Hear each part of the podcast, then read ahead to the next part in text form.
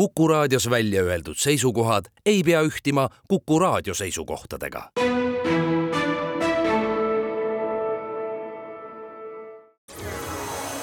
loodusajakiri, vaata ka looduseajakiri.ee tere, head reede õhtu jätku kõigile! täna on saates külas ajakirja Eesti Loodus aasta autor, geograaf ja klimatoloog.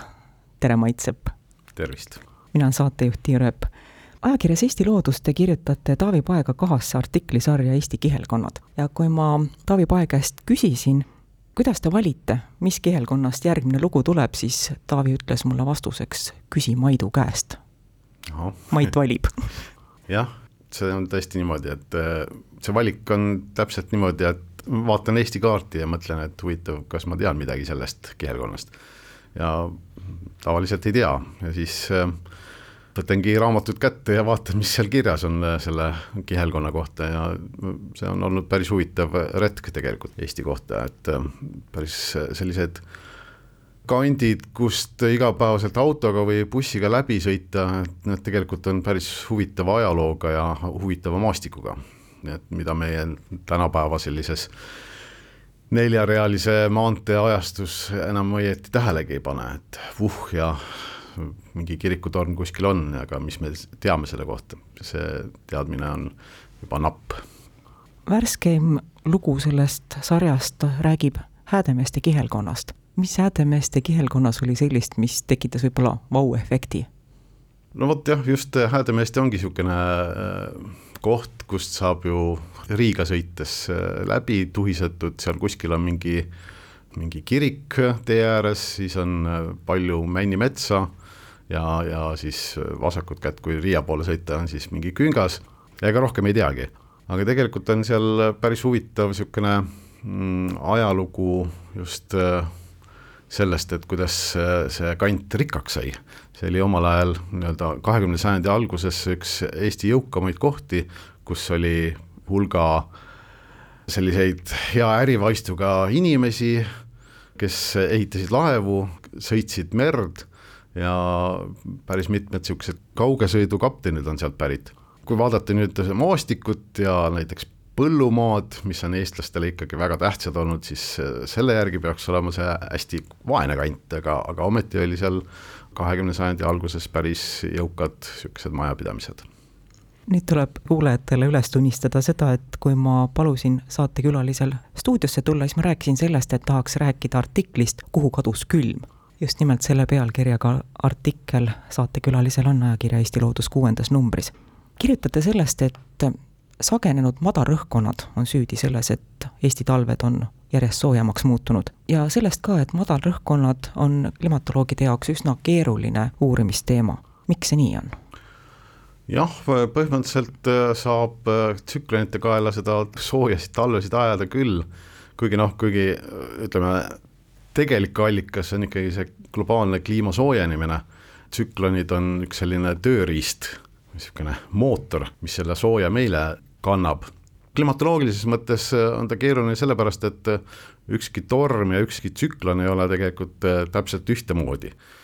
noh, siin äh, sellistes äh, kliimaraamatutes võib küll leida niisuguse ilusa joonise, kust on ilusad niisugused nooled, Äh, mille järgi tsüklonid peaksid äh, Eestisse või Läänemere piirkonda üldse jõudma, neid on noh, klassikaliselt kuus sellist trajektoori, aga kui me hakkame nüüd tegelikke andmeid vaatama, siis saab üsna kiiresti selgeks, et see joonis on olnud noh, kunstniku fantaasia.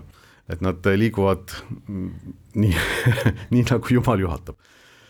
Et jah, et kui nad nüüd ilusasti nende kindlate trajektooride pidi liiguksid, siis oleks klimatoloogil töö lihtne, et me loeme nüüd äh, kokku äh, need äh, tsükleid, mis ühte teed pidi läheb ja teist teed pidi lähevad ja siis oleks nagu hea klimatoloogia. tegelikult on raskus selles, et nüüd meie see igapäevane ilm Eestis oleneb täpselt sellest, et kust kohast ja missugust teed pidi siis see tsüklon või madalrõhkkond meist mööda läheb kui see tsükloni kese läheb meist põhja poolt, umbes niimoodi Kesk-Soome poolt, siis Eesti satub äh, sellisesse tsükloni sooja sektorisse, kus on siis noh, tormised tuuled, aga vihma ja, ja nii-öelda suhteliselt soe õhk tuleb meile. kui see tsükloni kese läheb meist näiteks mööda Lätist, siis me satume just vastupidi külma sektorisse, kus siis äh, tuleb, äh, kandub meile põhja poolt niisugust arktilist külma ja sellega kaasnevad ühtlasi ka lumesajud. et noh, lihtsustatult võib öelda muidugi seda, et et nüüd meie talved ongi nüüd tänu sellele soojad, et neid tsükleid, mis liiguvad nüüd põhjapoolset trajektoori mööda, et neid on natuke rohkem, aga, aga noh, statistilises mõttes ei ole see jällegi nii lihtne, et, et need, isegi need põhja poolt liikuvad tsüklonid alati ei ole ühesugused. ja see teeb kõik klimatoloogia elu noh põnevaks see, et meie talved on soojemad, see mõjutab ilmselgelt väga paljusid elusolendeid, väga paljusid nähtusi, aga tahaks teada saada, mida klimatoloog arvab sellisest väga lihtsustatud skeemist. kui on madal õhkkond, siis eks ole, on meil rohkem sademeid. jah, tsüklonitega tulevad meile sajupilved. kui talvine õhutemperatuur on kõrgem, talved on soojemad, tuleb madal õhkkond, see tähendab seda, et pigem võib eeldada, et meid kostitab vihmasadu kui ilus lumi. jah, nii, nii see on. ja kui me nüüd edasi vaatame, et mida võiksid need vihmasajud teha talvises keskkonnas, kui maa on sula, kas me võime siis ka eeldada seda, et rohkem pestakse kas põllumaalt või ka metsapinnast toitaineid välja? jah, põhimõtteliselt äh, nii-öelda see vee liikumine on kiirenenud, noh, meil on ka nüüd talvel jõgedes rohkem vett sajab rohkem. põhimõtteliselt, kui me vaatame seda kogu kliimamuutust hüdroloogilisest aspektist, siis me tegelikult oleme kaotanud äh, kaks aastaaega, nimelt äh, nii-öelda selline õpikujärgne käik peaks olema nüüd niimoodi, et äh, sügisel on meil vihmad, siis jõgedes veetase tõuseb, siis mingil hetkel läheb külmaks, jõgede peale tuleb jääkate ja selle jääkatte all hakkab jõe tase vaikselt langema. Ja siis tuleb meil äh, niisugune kevadine suurvesi, kõik see lumi sulab suhteliselt kiiresti ära, tulevad äh, jõgede peale üleujutused, aga nüüd, äh, kuna nüüd talvel külma ei ole, siis tegelikult meil seda talvist jõgedes olevat miinimumperioodi enam ei ole, meil ongi jõgedes ka talvel suhteliselt kõrge veetase selle võrra on ka siis tegelikult kevadine suurvesi väiksem. et me ei ole tegelikult Tartus ka juba päris tükk aega näinud korralikku üleujutust, mis ulatuks noh, niimoodi Raekoja platsini. et siin mõni kümmekond aastat tagasi oli, aga aga see, mis ütleme, tuhande üheksasaja kahekümnendatel aastatel ja veel viiekümnendatel aastatel oli üsna tavaline, siis sellist pilti me enam ei näe aga jah, koos selle kiirenenud veeringega meil kiireneb ka kindlasti toitainete ringe jah, et äh, mingid äh, toitained uhatakse mullast intensiivsemalt välja. ja täpselt nii, nagu iga oja soovib jõkke suubuda, nii iga meie jõgi soovib minna Läänemerre. jah, meil Emajõgi jõuab kõigepealt Peipsisse ja küllap see lisandunud toitainet äh, ka mõjutavad seda järvesüsteemi ja kindlasti jõuab see kõik äh, meie väiksesse Läänemerde. ja mida see kõik võiks tähendada Läänemerele? no Läänemere puhul tuleb arvestada seda, et äh, meie Läänemeri on maailma üks saastatumaid meresid, mis tähendab seda, et meil on juba niigi probleeme toitainetega, mis seal ringi liiguvad, meil on satelliidipiltide pealt äh, näeb äh, väga hästi neid äh, suviseid sinivetika pööriseid, see kõik nüüd lisanduv toitaine lisandub siis veel juurde ja kõik see läheb veel, jätkub, nii-öelda see spiraal jätkub.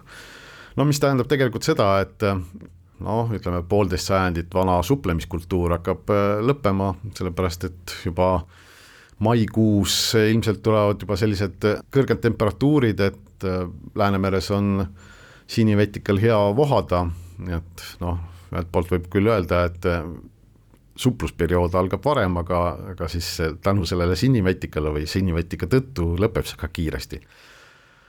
no kui talve juurde tagasi minna, siis äh, ilma jääta talved, mis meil nüüd üsna tavalised on, tähendavad ikkagi ohtu rannikule, et talvel on meil tormide periood ja need tormid ei kao kuhugi, aga lihtsalt seda rannikut kaitsvat jääd ei ole, mis tähendab seda, et noh, ranniku erosioon on muutumas probleemiks. nii et noh, selliseid nihkeid selle kliima soojenemise tõttu meie elus on päris ohtralt.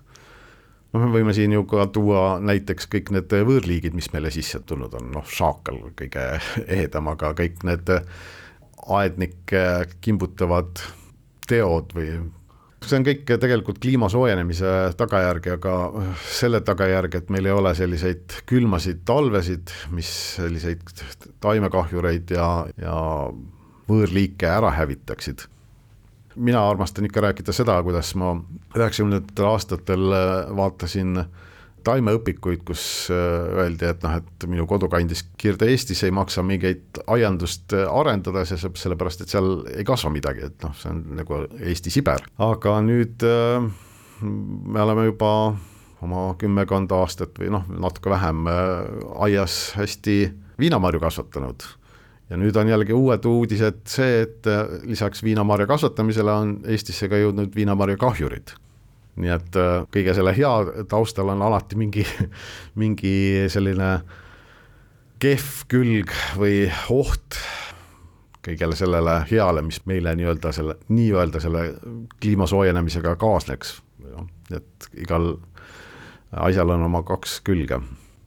tänaseks Loodusajakiri lõpetab kuhu kadusid krõbekülmad talveilmad. sellest saab lugeda saatekülalise artiklist ajakirja Eesti Loodus novembri-detsembri numbrist.